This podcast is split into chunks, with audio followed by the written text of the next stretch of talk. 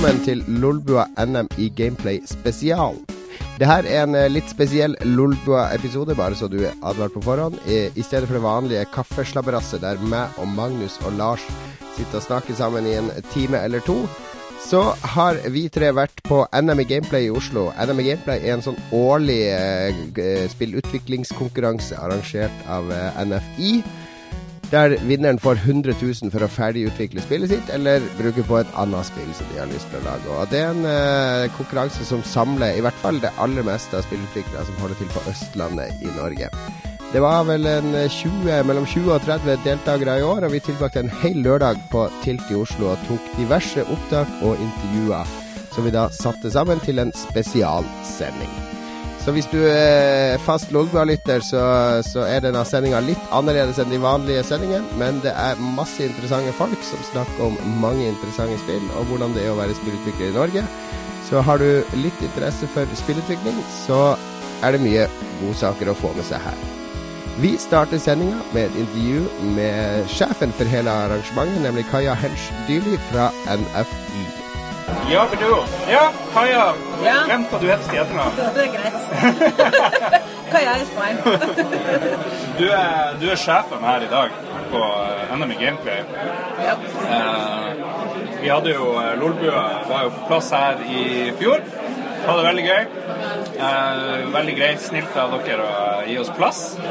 Dere er jo vår mediepartner. Ja, veldig eh, Mediehuset Lolbua. Mediehuset Lolbua. Ja.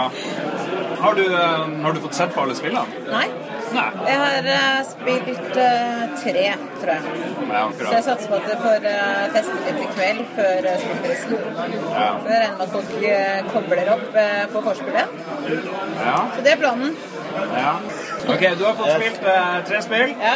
Og til mange, hva er det, 15 til sammen? er det? Jeg er litt usikker faktisk på hvor mange. Det er et par som ikke har møtt opp. Sånn ca. 20. 18, 19, 20, okay. 21. Et eller annet sted der. Ikke helt oversikten ennå. Får se når juryen gjør seg ferdig nå om en halvtimes tid. Ja.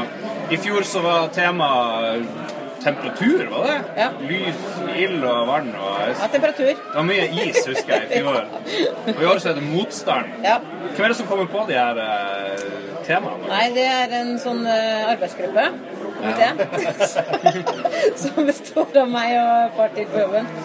Det vil si at det, jeg sender igjen mail til hva faen hva skal temaet være i år, da. En eller annen gang i romjula, når jeg kommer på at vi må jo ha tema. Og så brainstormer vi bare noen forslag, og så tar vi et eller annet som vi syns passer. Ja. Jo- altså, Temaet i seg selv er jo ikke så viktig. Nei. Det viktigste er jo at det er et tema som de må lage noe rundt. Ja, ja. Eh, og at det Ja. Det kan jo nesten være hva som helst, men det må være det må ikke være så definert at eh, man får det samme gameplayet 20 ganger. For det, poenget er jo å lage en, eh, noe kult gameplay som man kanskje ikke har sett 100 ganger før. da. For det har vært veldig sprik i tolkninga av motstand Ja. denne gangen her. Ja. Eh, hva, du, du har spilt tre av dem, men du har vel sett en del av prosjektene? Har du ikke det? på Ja, men jeg har ikke Nei, ikke på, jeg har ikke sett noen ting på forhånd. Er det noen kreative tolkninger du har eh, gjort deg bedre tak i til nå? Eh, I hvert fall noen overraskelser som ikke jeg hadde tenkt på. Eh, I hvert fall noen sånne noen ting som jeg ikke har tenkt på. Nå vil ikke jeg si noen ting, for jeg har ikke noe med Jeg vil ikke si hvem jeg syns ser eh, kulest ut. Nei. Jeg er ikke jury, så det er noen andre som bestemmer. Og publikum, ikke minst. Så men i i hvert fall så har jeg skjønt at eh, nivået er uh, høyt. Det har det jo vært de siste åra, men eh, enda bedre kanskje i år. Eh, ting ser mer ferdig ut enn eh, Altså alle ser mer ferdig ut. Ja. Men så er det jo, det er jo gameplay som skal vurderes, da. Så det holder jo ikke at det ser fett ut. Ja. Hvis vi skal se på året som har gått, eh, spillmessig og med deg som jo hjelper mange til å lage eh, spillene sine og få Hjelper ikke til å lage. Nei, du får penger. Ja, får Du får penger. Du får penger. Hva, hvordan vil du oppsummere 2014, sånn som du sa det? Eh, det har vært bra. Det har kommet masse spill ut som har vært i utvikling lenge. Eh, det tar jo tid, og særlig når man får begrensa med midler.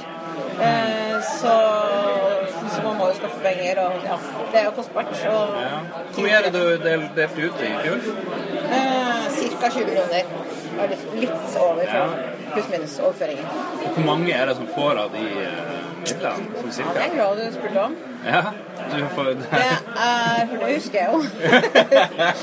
det er sånn ca. ti som får tilskudd av runde. Det kommer litt an på hvor store tilskudd vi, vi gir, men, eh, men det er noen som får flere faser. Ja. Så la oss si 20 spill, da. Ja. Cirka. Ja. Dette burde jeg vite, men jeg husker det ikke. Det er, eh, det er lørdag. Blir det noe av alt som får støtte? Nei, nesten. Nesten. Ja, det har jo blitt, det har endra seg litt, for det var jo færre som ble noe av før. Ja. Men det handler jo om mange ting. Det handler jo om eh, hvordan Altså det er enklere å lage spill. Så Når hun er sånn hermetegn. Det er Ja. vanskelig. Det ser vi. Mye enklere. Teknisk så er det enklere. Eh, og man, det er jo lettere å få gitt ut spill, ikke sant? for du kan jo gi det ut selv. Så mm, flere kommer ut. Pluss at eh, nivået har jo blitt mye, mye høyere Ja. Ja. på utviklerne. Jeg tenker det er sikkert eh, Det er sikkert noen som hører på, som sikkert har lyst til å lage spill, men så har de ikke peiling. Er første skritt å gå til eh, NFI og Nei, det er, ikke, nei, det er ikke første skritt. Nei, først så syns jeg du må få litt peiling. For det, altså, vi skal jo støtte de som har peiling. Ja. Eh, vi, er ikke, vi er ikke en skole eller sånn. Eh, så man må få seg litt peiling, og så Det er jo knallhard konkurranse om de pengene, så man må jo ha et bra prosjekt, en god idé og gjennomføringsevne.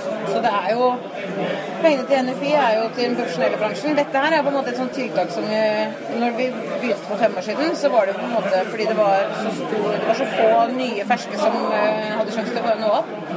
Så dette var jo på en måte for å lage en litt sånn lavterskel, da. Eh, og det funker jo som ennå, for det er mange ferske som kommer hit, men det er også mange etablerte. Så det er ja. Ja. Nei, men det virker jo som om eh, det å ha et tema og det å ha insentiv eller en, en greie å jobbe mot, ikke minst pengene man får her, det, det hjelper på. Ja, klart det. Altså, pengene er jo vet du, Men pengene er jo bra å få. Men jeg tror, eh, jeg tror det er det som er litt sånn sekundært eh, for de som deltar. Eh, Selvfølgelig er det utrolig digg hvis du vinner og får, men jeg tror hele den opplevelsen å være med, og også for de mer etablerte som produserer mye, så er det en annen måte å jobbe på. Du er helt fri, du trenger ikke å tenke på, på noen ting. Du kan, det er bare, liksom bare helt fri flyt fra hodet, og så blir det noe, eller så blir det ikke noe. Så er det ikke så, det ikke så farlig, da. Mens fordi Ja. Så det Jeg tror pengene er sekundært for opplevelsen. Ja. Uh, og så siste, kanskje. Jeg tror jeg avbrøt deg kanskje litt da jeg spurte hvordan du oppsummerte 2014. Jeg vet ikke om du har noe å legge til? eh? Det jeg husker jo ikke hva jeg sa i sted, så det er vanskelig å legge Nei, til nå. det, det endte bare opp med hvor mye penger og hvor mange som får. Og Ja, nettopp. Ja, det. Nei, men jeg, tror jeg sa vel også at eh, mange av de spillene som har vært i utvikling lenge, endelig kom ut. Ja. Eh, og det var jo noen av 20 spill i hvert fall som eh, kom ut i fjor, som er, eh, er bra. Eh, 2014 håper jeg var et år som er starten på noe, da. Det er klart at jeg tror ikke det kommer ut like mange spill, eh, større spill, eh, i 2015. Fordi at man, man, de må jo lages. De som nå har sittet og laget det i flere år, må jo lage noe nytt. Ja. Eh, men folk er jo i gang. Så ja. Ja. Og statusen, hvis vi skal se på hele spillmiljøet, sånn som du ser det fra ditt ståsted, hvor vi står i dag hen? Spillstatusen. Ja. Spill-Norge. Spill-Norge-statusen. Ja. Spill-Norge? Eh, nei, jeg tror eh, altså det er flere og flere som leverer uh, høy kvalitet. Uh, det er prosjekter som på en måte som også som selger veldig veldig bra, altså som Funrun 2, som jo går rett inn på andreplass på i USA, som er jo egentlig ekstremt imponerende. Eh, så det er jo Altså den salgsbiten som eh, Jeg syns man har laget mye bra spill lenge i Norge. Eh, det gjør man eh, fortsatt, selvfølgelig. Og bedre og bedre spill. Men man har også blitt flinkere til å få spillene ut til publikum. Da, også den salgsbiten. Og det er jo et På GDC nå i mars så er det jo et storinnrykk av norske. Og Det blir jo masse norske stands. Så det at de har vært med i mange år på, rundt omkring, det har man jo lært mye av. Fått mye kontakter. Så jeg, har, jeg er positiv. Jeg er veldig positiv. Hva er det siste spillet du spilte sånn ellers?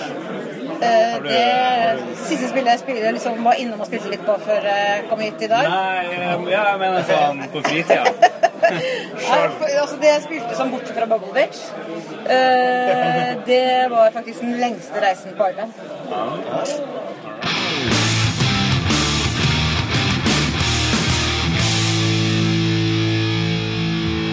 Det var selveste Kaja. Hun er jo eh, hun er- er kanskje en av de viktigste i norsk spillbransje, vil du si det, Magnus? Kan vi si at hun er dronninga av norsk spillbransje? Det tror jeg jeg har sett i flere overskrifter rundt omkring i aviser, men hun er i hvert fall en nøkkelperson i norsk spillbransje og har eh, hjulpet den opp og frem i mange, mange år. Og det er i hvert fall den fineste i norsk spillbransje. Det er Lars sin dom. Fra Kaja til en utvikler. Han har eh, Han prøvde seg som spilljournalist først, eh, med en veldig konfronterende Gonzo-inspirert eh, fremtoning. Og så bestemte han seg for å bli utvikler, flytta til England, levde under fattige kår. Han har faktisk laga spill for BBC og, og litt sånne ting. Og nå holder han på med et spill som heter Myriad, og han deltok også på NMA Gameplay. Og han heter Erlend Grefsrud. Vi har med oss eh, Erlend. Erlend indeed. Erlend Det er meg. Eh, fra selskapet eller Bifrost Entertainment. Bifrost Entertainment. Ja. Alrighty. På uh, Enemy Gameplay med et uh, spill som jeg ikke har sett, som Ja. du skal vise fram akkurat nå. Ja, skal vi det. Skal vi prate litt om det? Ja. Det har vi ikke gjort uh, hittil. Vi har bare spilt, og så har vi sett på ting i etterkant. Akkurat. Ja, jeg kan forklare litt hva som er clouet her, da. Ja. Ok, Så temaet i år var motstand. Ja. Og jeg tenkte da på ok, motstand, motstand, hva betyr det? Første tanken min var oi, vi lager et protestspill, da. Hvor f.eks. du enten skal være demonstranter som skal demonstrere, eller politiet skal banke dem opp.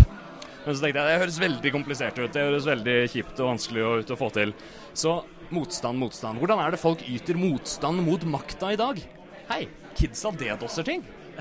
ja, de gjør det. De gjør det, og det, kan, det er en bølge vi kan hoppe på. Så jeg bygde eh, Det programmet de ofte bruker for å dosse ting, eh, kalles eh, Low Orbit Ion Cannon, eller LOIC. Ja. Så LOIC sitter inni her. Og jeg rakk ikke å implementere det, men du skulle skrive en URL.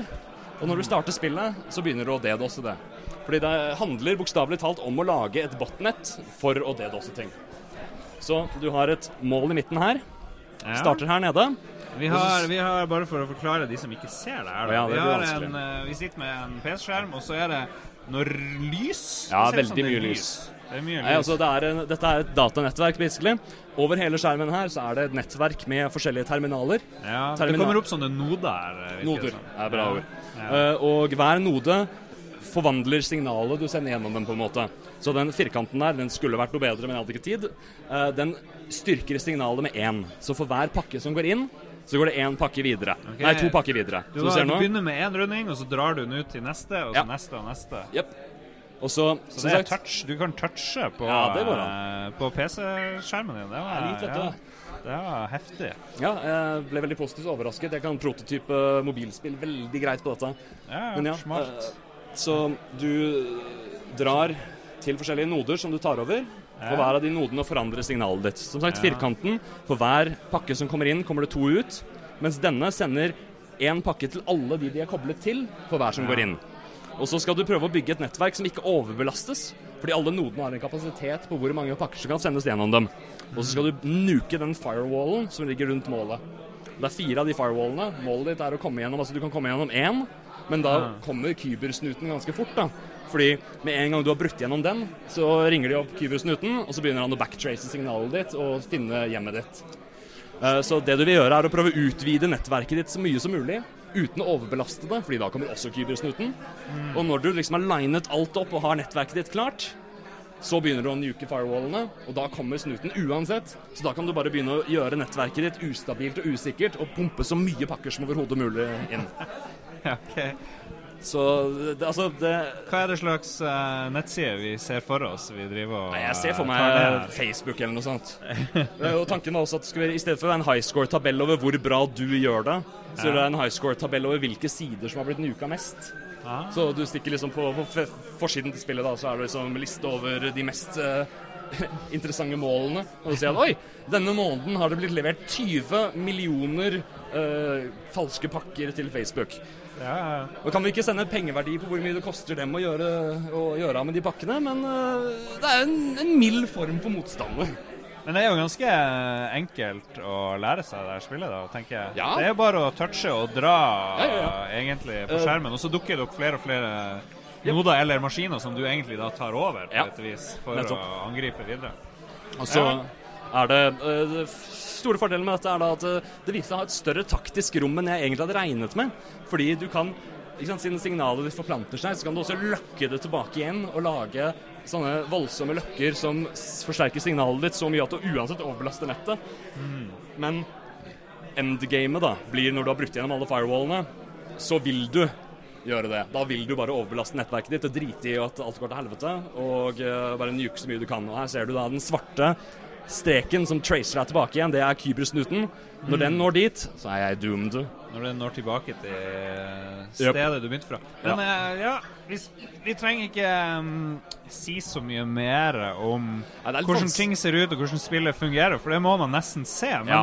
Men det er jo det er etter hvert som du tar over flere og flere noder, og trafikken går hit og dit, så begynner det å lyse. og Ja da. Det- Ja, eh, jo større brettet du lager, jo mer intense blir effektene. Og så Ja. er også tanken at eh, jeg rakk ikke implementere det igjen, men du ser hele glitchingen. Den skal også tilta ettersom kybersnuten kommer nærmere og nærmere. Ja, fordi skjermen driver og glitcher her nå når jeg er tilbake på tittelskjermen. Men eh, det er jo stort potensial til å kule lydeffekter og, Ja, og det eventuelt musikk også. Ja, jeg har faktisk musikk og lydeffekter inni, ja, men det er uh, Ja. Komponisten min leverte det halv to i går natt fordi han hadde sittet og spilt spillet istedenfor å jobbe. Så jeg uh, Ja. Jeg Nei, gjorde det, og så sovnet jeg, og så kom jeg hit. Så. Ja. Nei, men det her så veldig kult ut. Jeg håper eh, du får eh, gjort det tilgjengelig på et eller Ja, annet vis. det skal jeg gjøre. Altså, skal du jeg, gjøre jeg uansett. tenkte å bare Altså, prototypen er ikke verdt så jævlig mye, så jeg tar og slipper dette sammen med kildekoden på mandag, sannsynligvis. Ah. Eh, og så får jeg se om jeg får noe feedback. Hvis folk er interessert, så kan det hende jeg fortsetter å lage det. Ja. Fordi eh, det prosjektet jeg jobber på nå, som heter Myriad, har jeg jobbet på i nesten to år nå. Og det begynner å Jeg vil ha noe litt mindre neste gang. Kanskje seks måneder istedenfor to år. Ja, ok. Nå er jeg i ferd med å bli ganske sprø.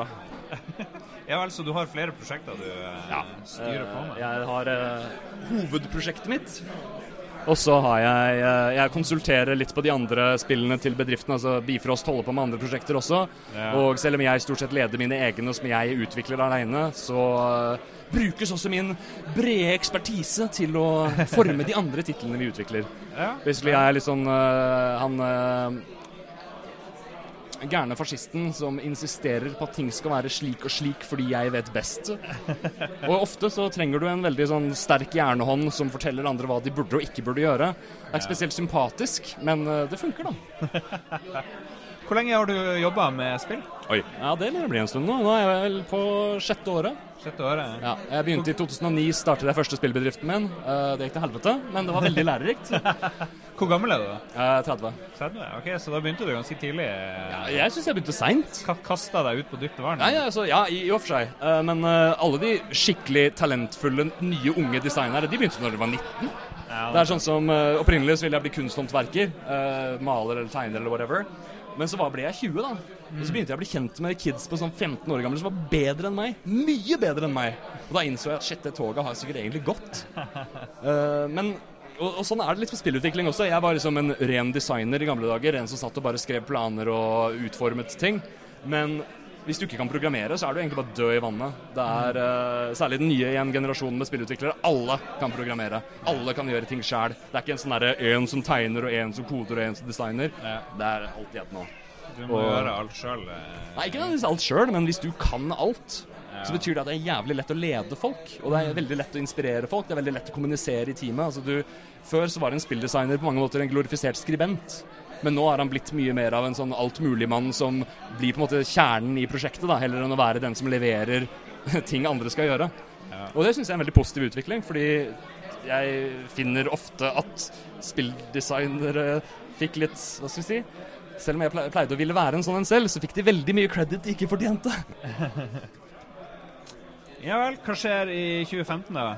Blir du eh, endelig ferdig med det toårsprosjektet? Ja, det er bare noen uker unna. Jeg kunne blitt ferdig med det over nyttår, men jeg valgte å gjøre dette i stedet. Så jeg har egentlig laget ris til min egen bak.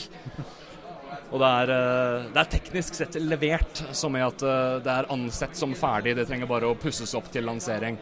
Og så er det, det store utfordringen er da selvfølgelig å faktisk få lansert det. Ja, Men du må fortelle litt hva det er. Oh, ja, eh, wow. Hjelpe meg. Ja, det, er, det er også litt vanskelig å beskrive sånn uten bilder, da, for det er et innmari visuelt spill. Uh, det er et spill hvor du, du begynner med en veldig liten verden, og for hver fiende du bekjemper, så blir verden større. Fiendene du dreper, de legger igjen rom, og så utvides rommet så du har mer å bolte deg på, men samtidig så blir det også stadig flere fiender. Og målet ditt til slutt er å sprenge alt det du har bygget i en diger kjedereaksjon, som også tar med seg alle fiendene, og så starter du på rent bord en gang til. Og så fortsetter du bare i denne løkka mens du får flere og flere våpen tilgjengelig, og flere og mer eh, action. Og uh, hele dette spillet er da beatmatchet, hvilket betyr at alle begivenhetene i spillet faller på rytmen til musikken. Og i tillegg, avhengig av hvilke begivenheter som skjer på de og de beatsene, så bygger den også musikken rundt det. Så det er på en måte som et lydsekvenseringsverktøy bygd inn i et videospill. Kult. Hvilke plattformer kommer det på? Uh, det, planen er uh, første omgang PlayStation 4 og PC. Uh, jeg hadde en gang i tiden lyst til å lage mobilutgave, men det går ikke an. Eh, det skjer ikke.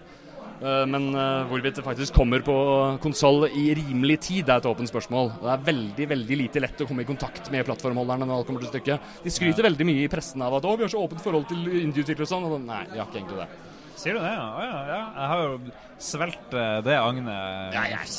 Altså, det er jo en veldig god historie, og det er jo sant for enkelte. Men eh, det er jo ikke sant for alle.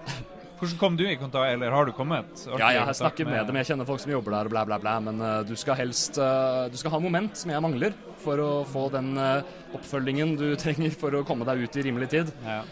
Og så er det veldig vanskelig hvis du ikke har et ferdig produkt eller en veletablert track record hvor de kan se å ja, du lager sånne spill, ja, til et sånt marked. Ja, men det kan vi bruke. Mens i mitt tilfelle så er det å ja, du har et avantgarde skytespill, ja, som lager musikk. Jeg sier dritfett, altså, men det er litt vanskeligere å få folk til å skjønne at det kan bli stort. Men jeg får, jeg får god feedback fra spillere. Ja. Det er bare det at det er verre å vise folk som har penger ridende på dette, spillet, og få dem til å forstå hva som er dealen. Ja. Det er uh, altså Den evige blokken er pengefolka, men den eneste utveien er deg selv. Altså, det er, det, du må du må svelge kameler, som det så vakkert heter på norsk. Du må bare finne deg i at uh, du får det ikke som du vil jevnt over. Det er egentlig faktisk eh, den største leksjonen jeg har fått av å utvikle spill, er at uh, du får det ikke som du vil. Og det er din feil at du blir sur over det. Nei, men jeg gleder meg. Hva det heter det spillet igjen? Det som, Det som kommer, kommer uh. Myriad. Myriad. Ja, ok. Da ser vi frem mot det. Takk Ja. for besøket, Erlend. Jo, mange takk. Og takk for at dere vil ha meg. Vi vil ha deg.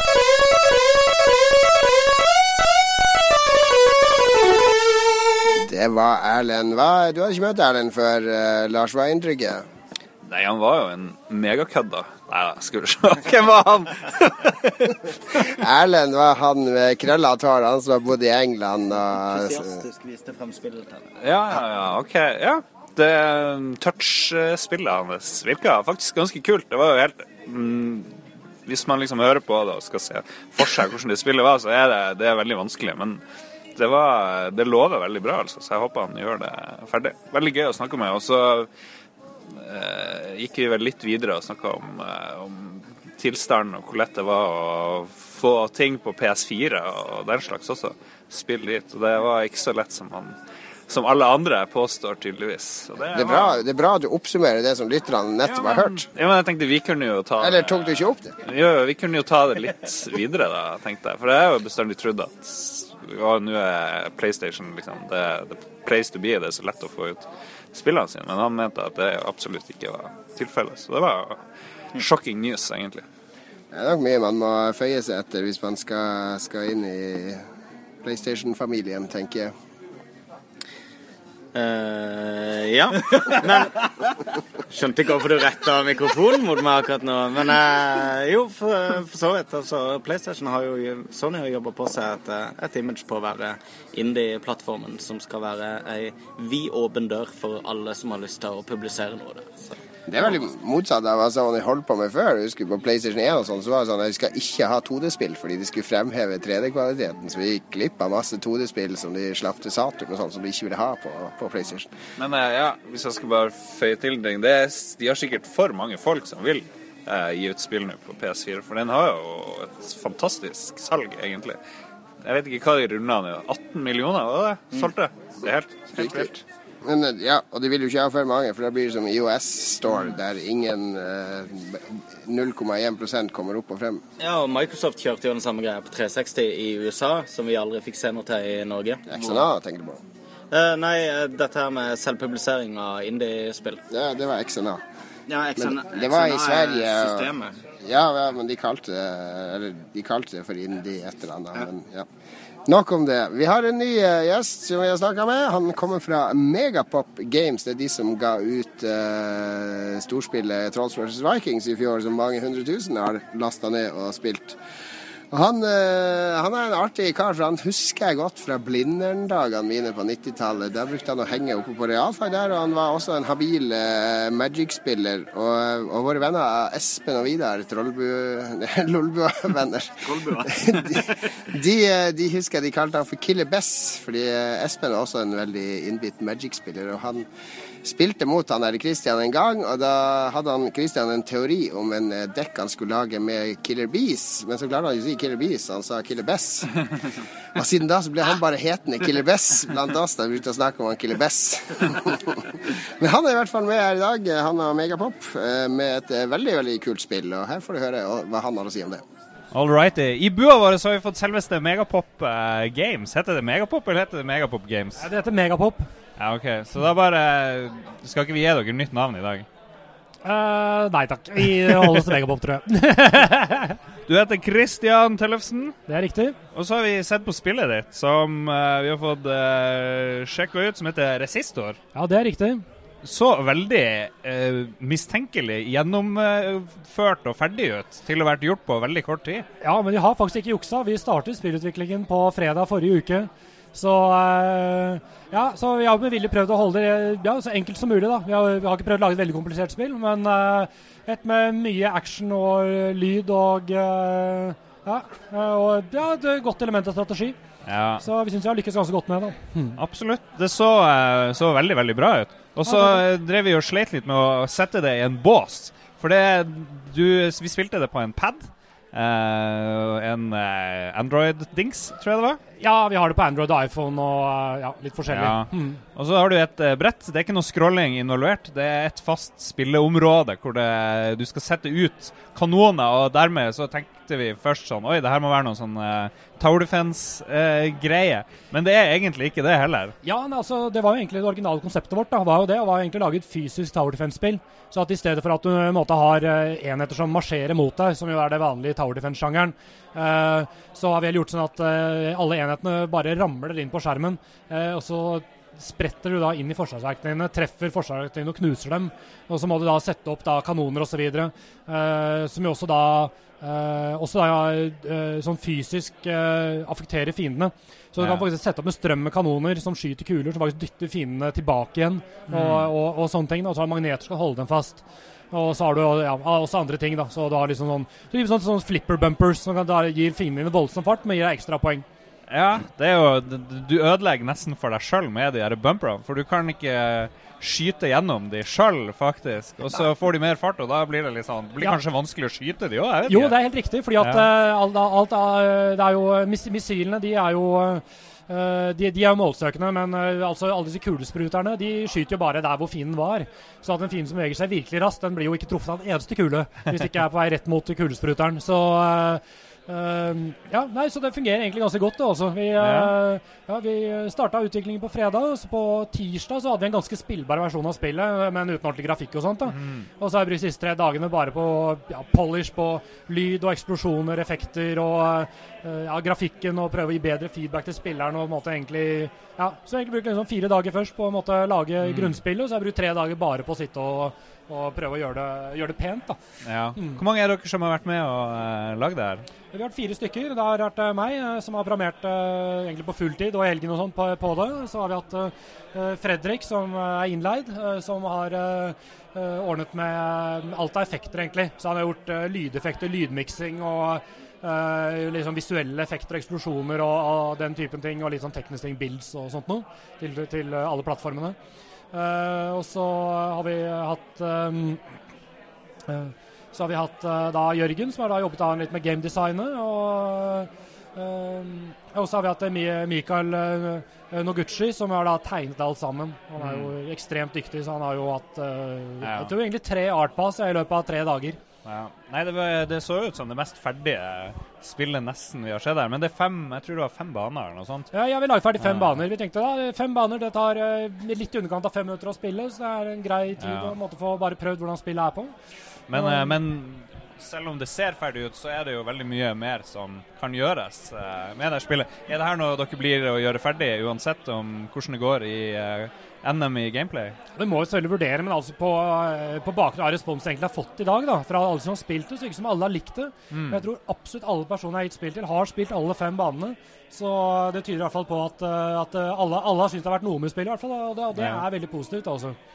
Så, men vi har også jobbet mye med å prøve å få spillet rett og bare plukke opp, så folk bare kan prøve det. Og ja, se hva de syns. Men det har vært veldig positivt, så jeg, jeg vil jo si at det er jo ganske sannsynlig at vi kommer til å gå videre i alle fall med å, Ja. med det ferdigstille. da. Ja, Så, bra. så god start. Hvordan går det med Megapop eh, ellers? Hvordan var 2014 for dere? Ja, det har egentlig vært ganske bra. da. Vi har jo eh, da har kommet ut med første spill med Troll mot vikinger, som eh, vi lanserte ja, februar, eh, slutten av februar, vel.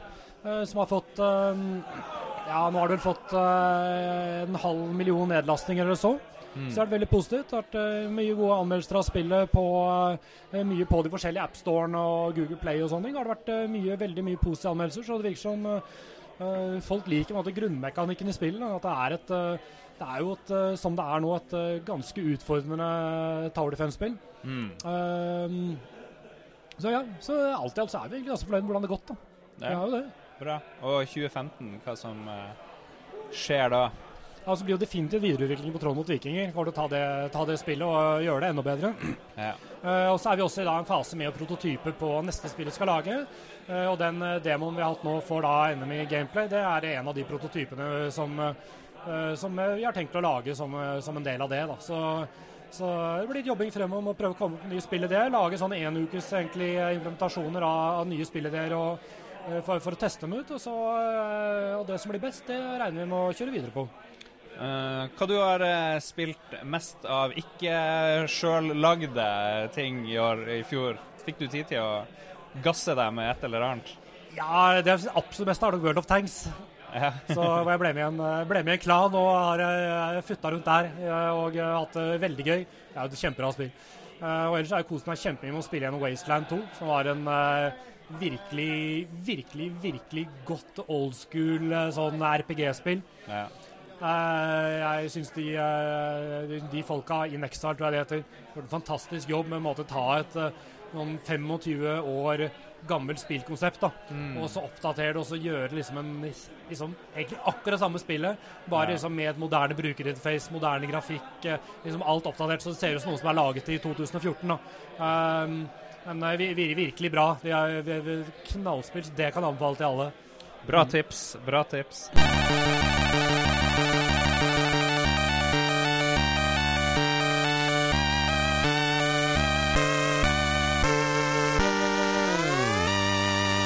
Morsomt. Det skjedde noe på slutten der med Christian. Dere drev og spilte Crossy Road, og det har ikke vi snakka om ennå. Hvorfor, eh, hvorfor spilte Christian Crossy Road på, på din telefon, Lars? Vi har en konkurranse gående i dag, eller vi hadde, nå er vi jo i etterkant. Vi er, da kan vi jo si vi er i hotellbaren, eh, og det er derfor det er litt sånn kjip musikk i bakgrunnen. Så, hvor vi skal sy sammen det hele greia. Men I hvert fall, vi lot alle vi intervjua spille Crossy Road. Eh, og så har Jon med seg en pose med både noe piss og mye kult. Jeg hadde med har litt bøker som jeg har fått eh, i julegave fra, fra et forlag. Og så hadde jeg noe, eh, noe spill som jeg har overskudd på, noen gamle promo. Så jeg tenkte vi kunne gi til den eh, som gjorde det best da, i, eh, i Crossroad av de vi intervjua. Ja, og eh, jeg vet ikke om vi skal avsløre vinneren her og nå, siden vi snakker om det. Vi tar et lydklipp med han eh, mot slutten av sendinga. Jeg tenker vi snakker med han litt senere i dag. Oh, OK, da kan vi, eh, da kan vi eh, holde det hemmelig hvordan det gikk. Men eh, ja. Folk var Noen var veldig dårlige i Crossroad, noen var veldig Ja, det var en for varierende nivå. Variert nivå. Som det er i spillbransjen ellers. Nå har vi en, en ny gjest, og jeg, jeg har i dag stått seks timer bak spakene i en sånn liten bod og miksa podkast og lyd og diverse, mens dere har vært ute og spilt litt. Og han her han hadde et av de kuleste spillene, var det ikke så? Jo, det var et, et, eh, veldig kult spill. Det er jo litt sånn i tida nå med å legge opp multiplayer med at én spiller eh, motstanderen til de andre. Sånn asynkron multiplayer, eller hva de Ja, kaller det. riktig. Og eh, sånn er det her også. Her har du en, en villain, og så hadde du eh, var det tre agenter som skulle prøve å komme seg gjennom et brett. Og en villain som konstant kunne ved hjelp av enkle tastetrykk eh, aktivere feller og sabotere de agentene for at ikke de skulle komme gjennom. Det var utrolig morsomt, og eh, selv om det var, det var veldig på begynnerstadiet, så var det allerede noe jeg hadde lyst til å spille, kjente jeg online.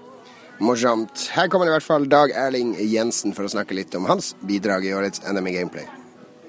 Da har vi fått besøk av Dag Erling Jensen Hei, hei. eh, i studio. Good day, good day.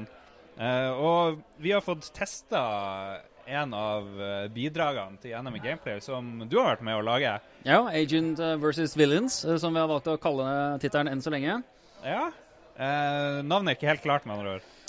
Men det, er- det vi er sier jo mye av hva det går ut på. det. Ja, vi er litt uenige sånn teammessig. Det har vært veldig mange versus-titler som har kommet ut, så vi får se eh, hva det blir til, hvis vi velger å gå videre med det. Ja. Eh, jeg tok og så på da Magnus eh, var ganske dårlig eh, i det spillet. Ja, det var han. han var sykt vilt. Men det går ut på at eh, man er tre agenter, og så har man én eh, skurk. Og alle spilles av uh, mennesker, for å si det sånn. Ja.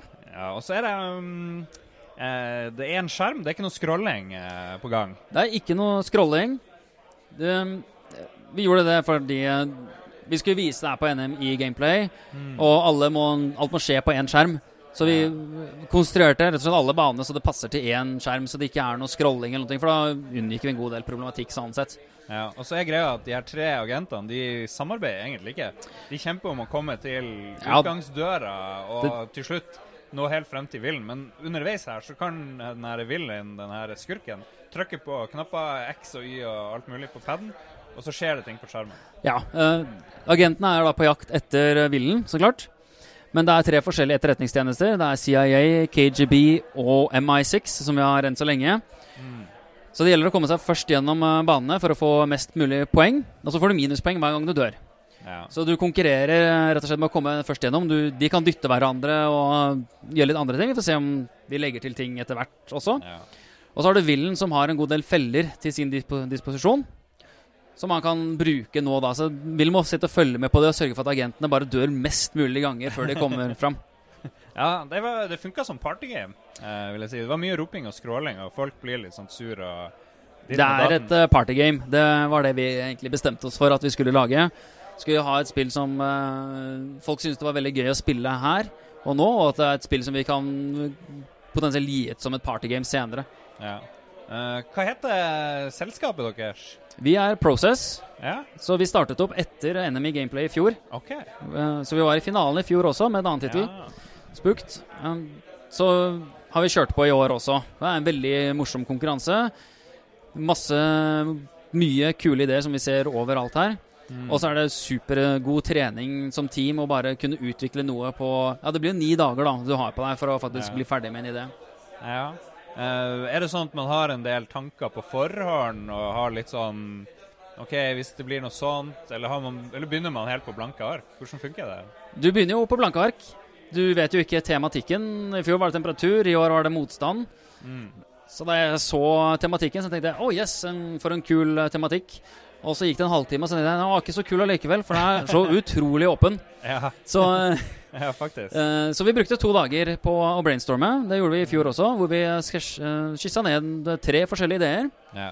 Og så var det den siste ideen, den her Agent versus Villain, som vi alle var gira på. Og så tenkte vi da kjører vi på den. Og da, etter den tidspunktet, så gikk alt på å lage den, den ideen. Ja. Rett og slett. Uh, er det her noe dere styrer på med på heltid, eller gjør dere det på deltid og lager spill? Hvordan funker det? Det er blanda. Noen av oss driver heltid.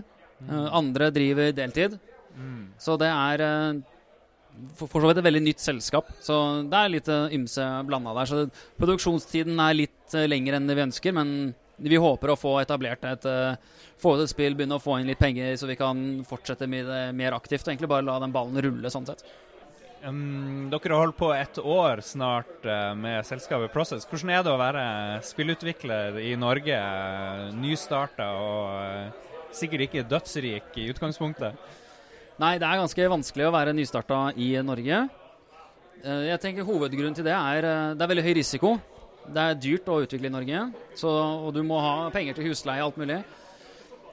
Det som jeg tenker er den største risikoen, det er jo at du som selskap er veldig redd for å mislykkes.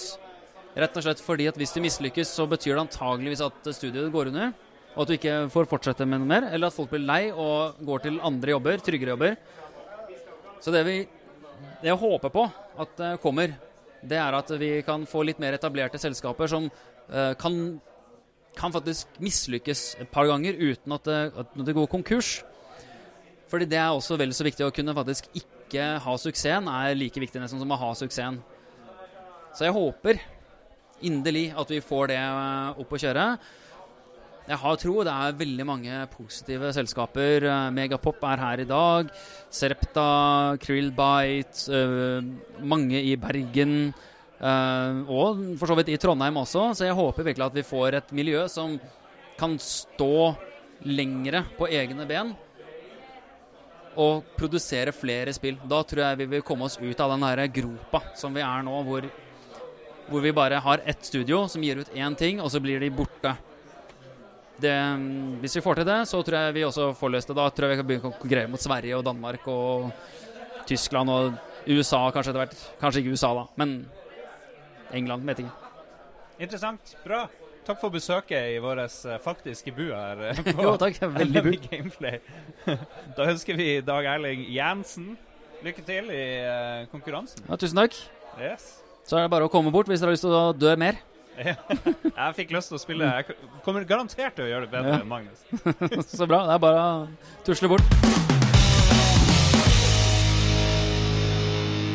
Noe av det kule med NM Gameplay For jeg husker når jeg, jeg tror det er fjerde eller femte år Jeg husker De to første årene så var det på Filmens hus. Og da, da satt vi liksom i kinosalen og så på presentasjon av hvert spill, og det var eh, var artig nok å se alle de spillene, men så flytta de det til Tilt, og da ble det litt mer sånn event. For nå er det også lov å komme som gjest, eller som eh, bare besøker eller nysgjerrig, og prøve spill og møte norske spillutviklere og sånn. Og det har gjort at det har blitt mye større. Det kommer folk som ikke er med i konkurransen nå. Jeg snakka med en her tidligere i kveld som eh, Nei, tidligere i dag som er fra BAFTA, faktisk, som har reist opp. Eh, Det er fordi det skal være en spillpris eh, samme kveld, da.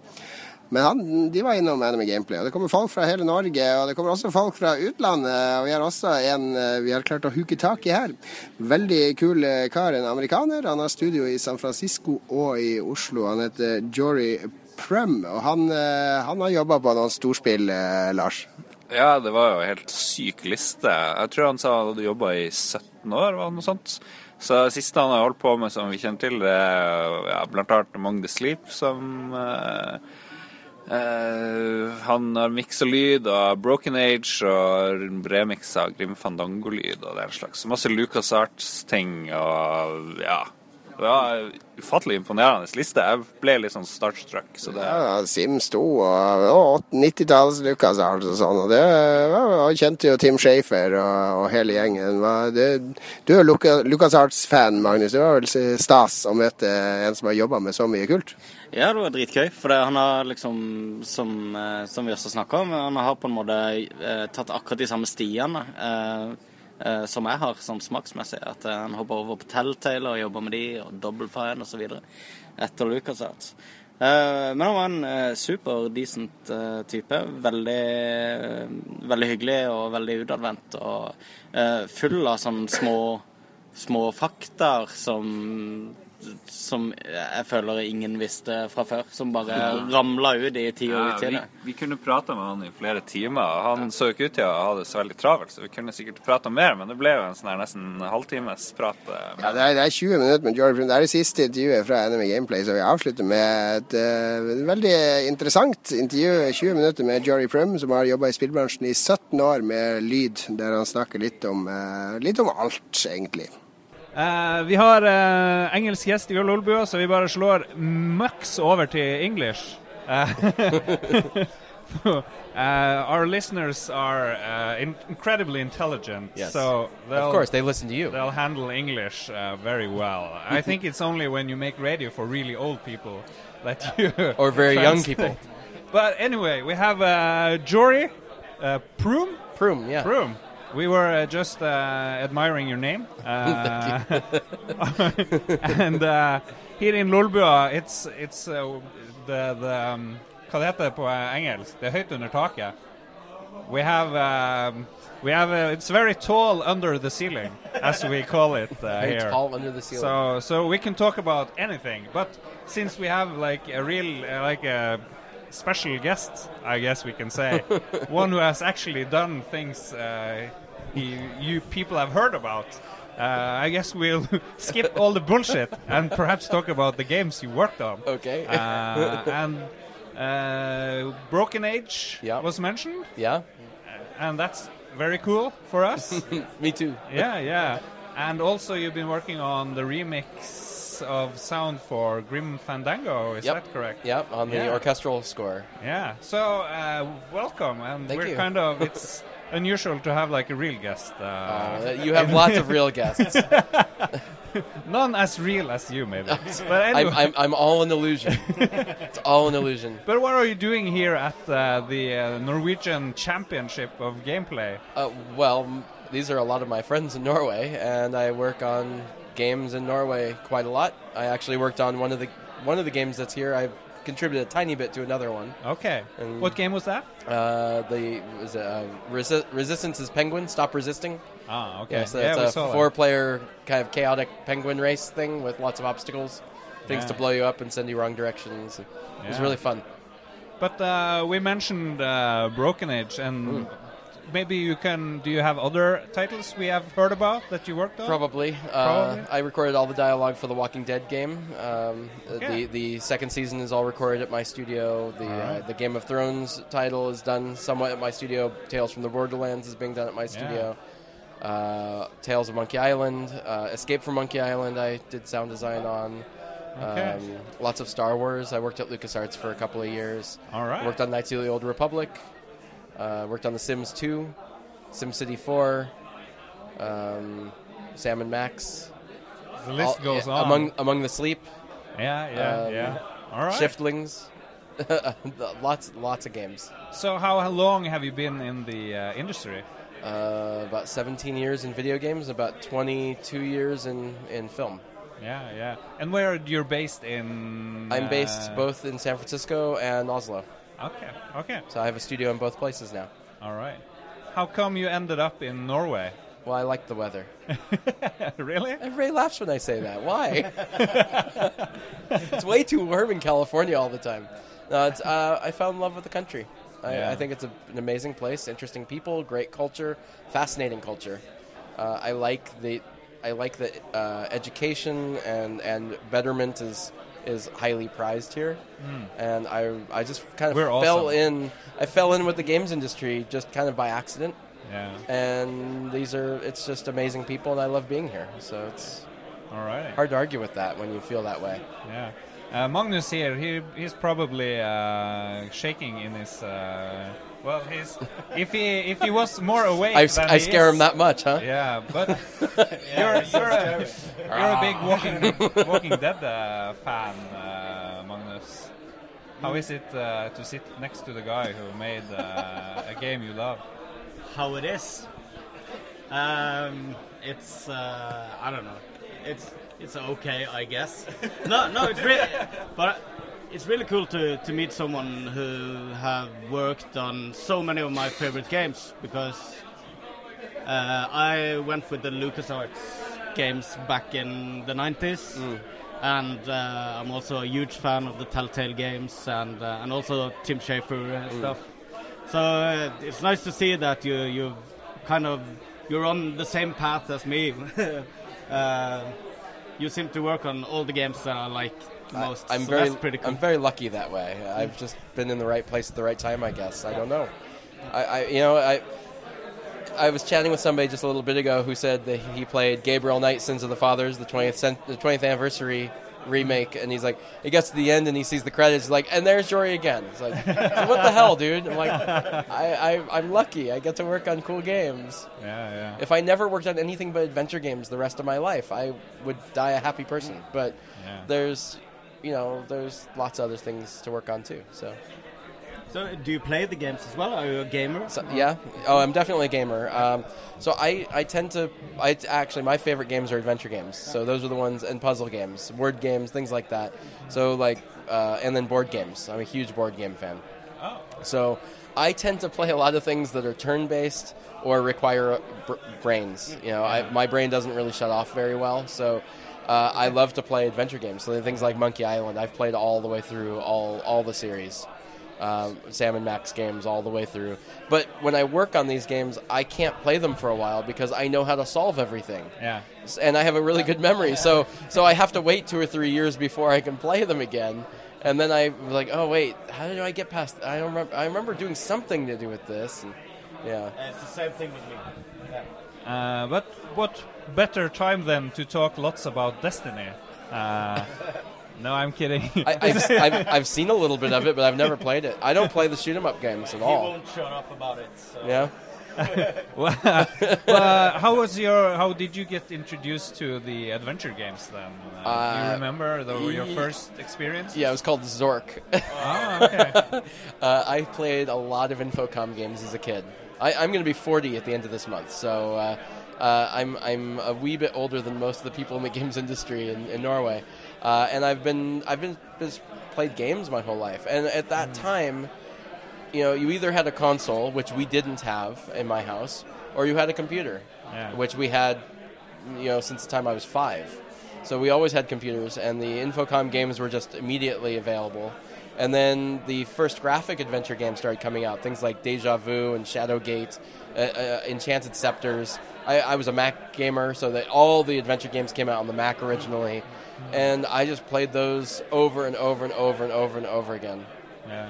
you know, Police Quest and Space Quest, and uh, I was a Sierra nut. When Sierra Yeah. Online came around, I played almost everything they made, and you know, Yeah. I, I still want to. Have you ever thought about making uh, your own game? Uh, No. no, no. You don't want to make your own adventure game. Not particularly. Yeah. Uh, I like. I'm a collaborator. I like working with other people on things, Yeah. and I tend to like to to chime in with ideas when I see something else.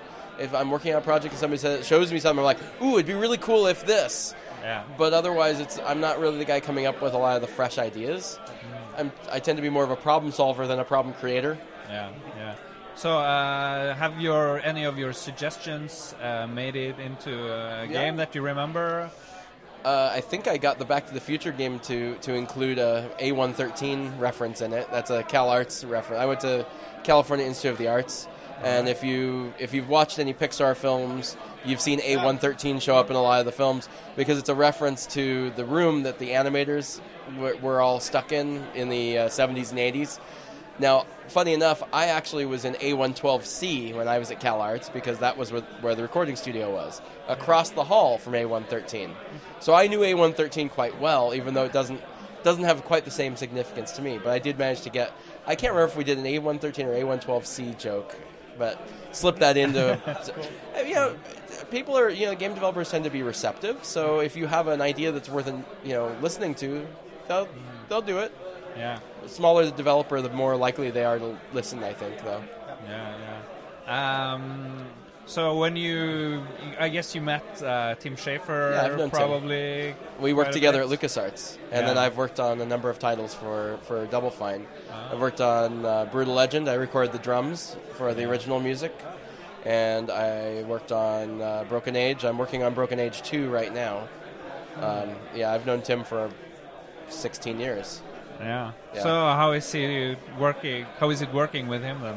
Well, in, the funny thing is, I worked for his company, but I've never actually worked directly with Tim. Yeah, yeah. Because usually I'm assisting somebody else. Like I, on the Broken Age and Grim Fandango scores, I'm working with Peter McConnell, the composer. Yeah. He works directly with Tim, and then t- Peter comes over to my studio and we work together, and then things go back and forth. But I, I actually don't really do much more than socialize with Tim most of the time, Uh, and kind of uh, get amused by by Tim as a whole. yeah, I'm guessing it's kind of entertaining uh, to be around. It's really fun watching him in a crowd. Like at Nordic Game last, uh, was it? No, it was two years ago. He was the keynote, and I was doing a keynote on the Walking Dead dialogue production. And so he was the first day keynote, and my group was the second day keynote. And so everywhere he was, you know, I'd run into him. I maybe had maybe a whole ten minutes of time to chat with him the whole time at Nordic Game, because if he stands still for more than about three minutes, a cloud of people arrives, and he and he like points off into space and goes, "What's that over there?" And he just runs off that direction to kind of keep the cloud trailing behind him. Yeah. It's really funny, actually. Uh, what games or game are you particularly happy having worked with? Is there anything uh, that you felt turned out extra extra great, Well, or The Walking Dead turned out pretty amazingly. I mean, it's I, it's funny because I never felt while we were in production like it was anything more remarkable than the games we'd been making, but the drama was so so incredible. The writing was so good. I, I mean, Sean Vanneman and, and Jake Rodkin did such just incredible job of creating that, and the writers who wrote the whole series were. Just, what I loved most about that actually was just how it never it never uh, uh, tries to take anything in stride. They never let go, and they, you know, it continues to be depressing and awful all the way through to the end. And as we would work on it, I, I really loved how they would try things out, and if it wasn't working right, i.e., the choice was too easy, they would come back and re- rewrite and re-record the section because they wanted people to always be stuck with a really difficult choice, and that made for a really fun game. It turned out yeah. that was really awesome. But um, I also really, really loved working on the Monkey Island stuff because they're just really fun sessions. I mean, you're laughing the whole time. And Dominic, who plays Guybrush, is fantastic and really fun guy. And just, Yeah. yeah, it's Yeah, it's an amazing list of games you worked on. Are there any games you wish you had worked on? there's a few, Yeah. but I'm not going to name them. Those are the ones where you go, yeah, could you take my name off the credits? I'm not so proud of that. You know, it's you, you learn lessons as you're as you're working. One of the lessons I've learned uh, that's a really important, valuable lesson for anybody doing sound in games is don't let anybody tell you to throw the sounds over the fence to them. Because some, some game companies will say, oh, yeah, just here's a list of sounds, give us the sounds, we'll implement them, it'll be great. And every time I've allowed that to happen, I've been really unhappy with the results. And sometimes it actually comes back to bite me later. Uh, people will refuse to hire me on a project because they heard a game that I worked on, but I didn't do it. I just made the sounds, and then they screwed up everything else. And in fact, I can. I don't think there's an example of a game that I'm embarrassed about that does not include that. So my rule nowadays is I won't work on a game that I don't implement or don't have a hand in the implementation of. So it's yeah, it's mostly you just learn from those things and you move on and you work on the next project. Yeah, yeah. Uh, do you guys have any clever things? Sure. Yeah. Um, are you done with the Grim Fandango?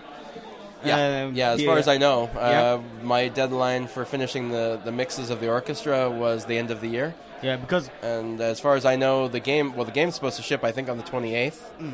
uh, so end of the month, and there might be some tweaking to be done for a soundtrack. If a soundtrack is going to exist, I don't know yet. Uh, there's still Broken Age to do. That's I Yeah. actually just heard from Peter this morning about that. So, yeah. Yeah, because uh, uh, the work you did on Grim Fandango is is a pretty big deal uh, compared to the other uh, updates on the game. Yeah. Yeah. So can you tell us a bit about what you did? Uh, yeah, I can talk a little bit about that. So we were just like with Broken Age, we recorded the Melbourne Symphony Orchestra. Um, this time with a 50-piece orchestra instead of a 40-piece, and it sounds spectacular. So uh, we recorded, I think, on the whole, about 30 minutes of orchestral music, and it's it's amazing. I mean, it sounds so good. It's it, it's such a vast improvement on the sampler stuff from before, uh, and the nice thing is it actually still builds on what was done 17 years ago. So parts that were used in the original score are still used in the modern score. The, it's just that there's a full orchestra playing with them instead of a sampled orchestra playing with them. So, like on one of the cues, there's actually uh, a, a bassoon part. It's a really important bassoon part they report, recorded in 1997, Wow. and the orchestra played along to it. Wow. Wow. Yeah, and there's you know there's guitar parts, there's all kinds of other things. So original music is still it's it's they didn't just scrap everything. They hired me originally to actually restore all the archives. They brought me a box of 13 DLT tapes, and I restored all of the original audio archives for the entire game, and handed that over to the company and to, to Peter, and they were able to pull out all the high resolution materials and be able to work backwards from there. So that that really was the start of what can we do with with the materials? Do we have do we have what we need to not have to create the wheel from scratch? And that's yeah, so it's very cool. So yeah. Um, we were uh, speculating on what's going to happen in 2015 uh, earlier, and I was kind of uh, predicting, hoping that uh, more LucasArts games, older ones, uh, will be that would be awesome. either remade or republished. How do you think the chances are of that happening? Well, I believe that they already announced uh, that the Double Fine's doing another. Yeah, yeah, Didn't they say Day of the Tentacle? Day of the yeah. Which, of course, if you if you're a Day of the Tentacle fan, you know that Maniac Mansion is actually inside the game, so that Yeah, should yeah. kind of relate to it, unless they don't have some ru- uh, rights to do that. But you know, Ma- Maniac Mansion is now available to play on Archive.org as part of the DOS uh, collection of 2,500 games they just released for free. That's there. Zach McCracken is there. Uh, I love those two Yeah, they're fun. They're Yeah, awesome. yeah. So those some of those older games exist. I have no idea what else is going to exist. I did mention to Double Fine that you know while we've got the DLT machines out, we should restore other tapes, and they went and said, "Well, we'll we'll talk about that." I'm like, Yeah. "Okay, well." Nice. I don't know what that means. I don't know if there's more to do. I would love to see some of those old games restored so that people can keep buying them. Yeah. It would be great if uh, Curse of Monkey Island and Escape from Monkey Island existed still for people to play. Hmm. I don't know that they ever will. I think Curse has probably got the best chance of it, but it would have to be done by the people who are actually making that game. And I don't, you know, Tim's not involved with that game originally. He didn't work on Curse, as far as I know. Um, No, I didn't. so, I, I mean, when you read interviews with Tim and uh, and Ron Gilbert, they both kind of go, "Yeah, neither of those games really exist, three and four, and the Tales of Monkey Island. They don't really uh, acknowledge that one existing either." So, who knows? Maybe they'll decide they want to do additional Monkey Island. Or, I mean, I th- if anything, the fact that Disney owns Lucasfilm now and LucasArts means that it's probably a better time than any to say, "Hey, I want to make more games. Will you license me your your precious game, and we'll make you lots of money?" And Disney goes, "Yes. How much money would you like to make us?" That's ju- so now would be the time if you were interested in doing something like that. Because those games kind of they were not treated very well, I think, at George Lucas's during The, his the ownership. franchises, yeah, you mean? Yeah. So, Well, you know, it's it's a funny thing because when I was at LucasArts, we were still making an occasional adventure game, but it really stopped after I left. They were, you know, Yeah. I worked on Escape from Monkey Island and I left, and I was done. I, you know, because I I just could see the writing on the wall that they were really only going to make Star Wars games, and that pretty much was the case, with very few exceptions. Things like Thrillville and and uh, Red Rocks RTX. You know, there weren't very many games that came out that weren't Star Wars or Indiana Jones after that.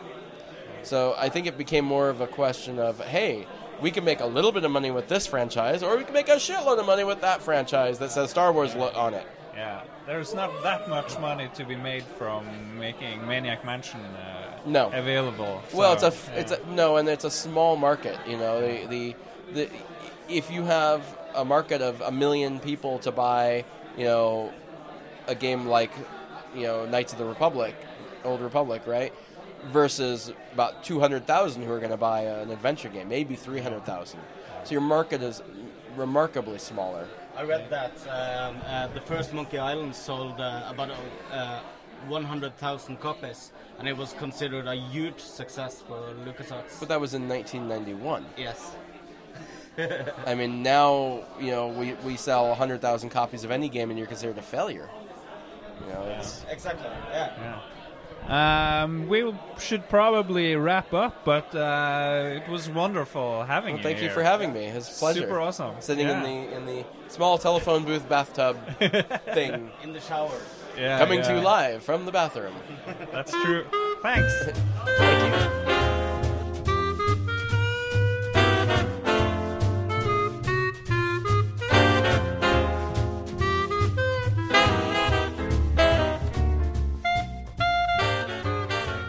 Det var det vi rakk fra NMI Gameplay i år.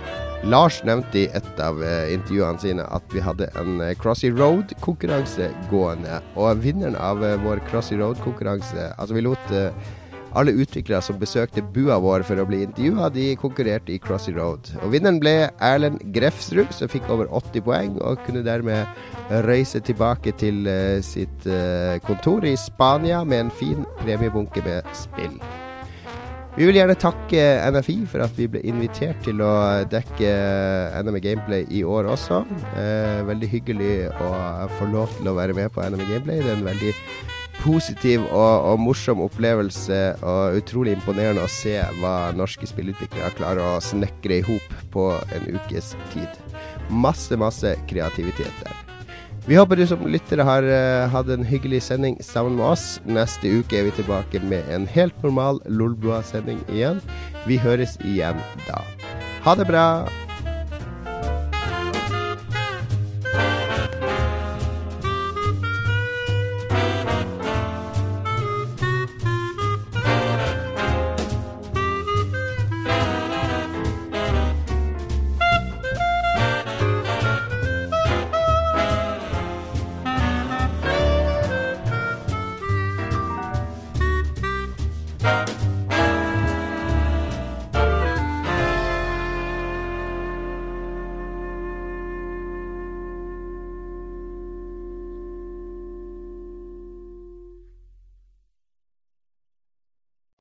Har du et enkeltpersonforetak eller en liten bedrift? Da er du sikkert lei av å høre meg snakke om hvor enkelt det er med kvitteringer og bilag i fiken, så vi eh, gir oss her, vi.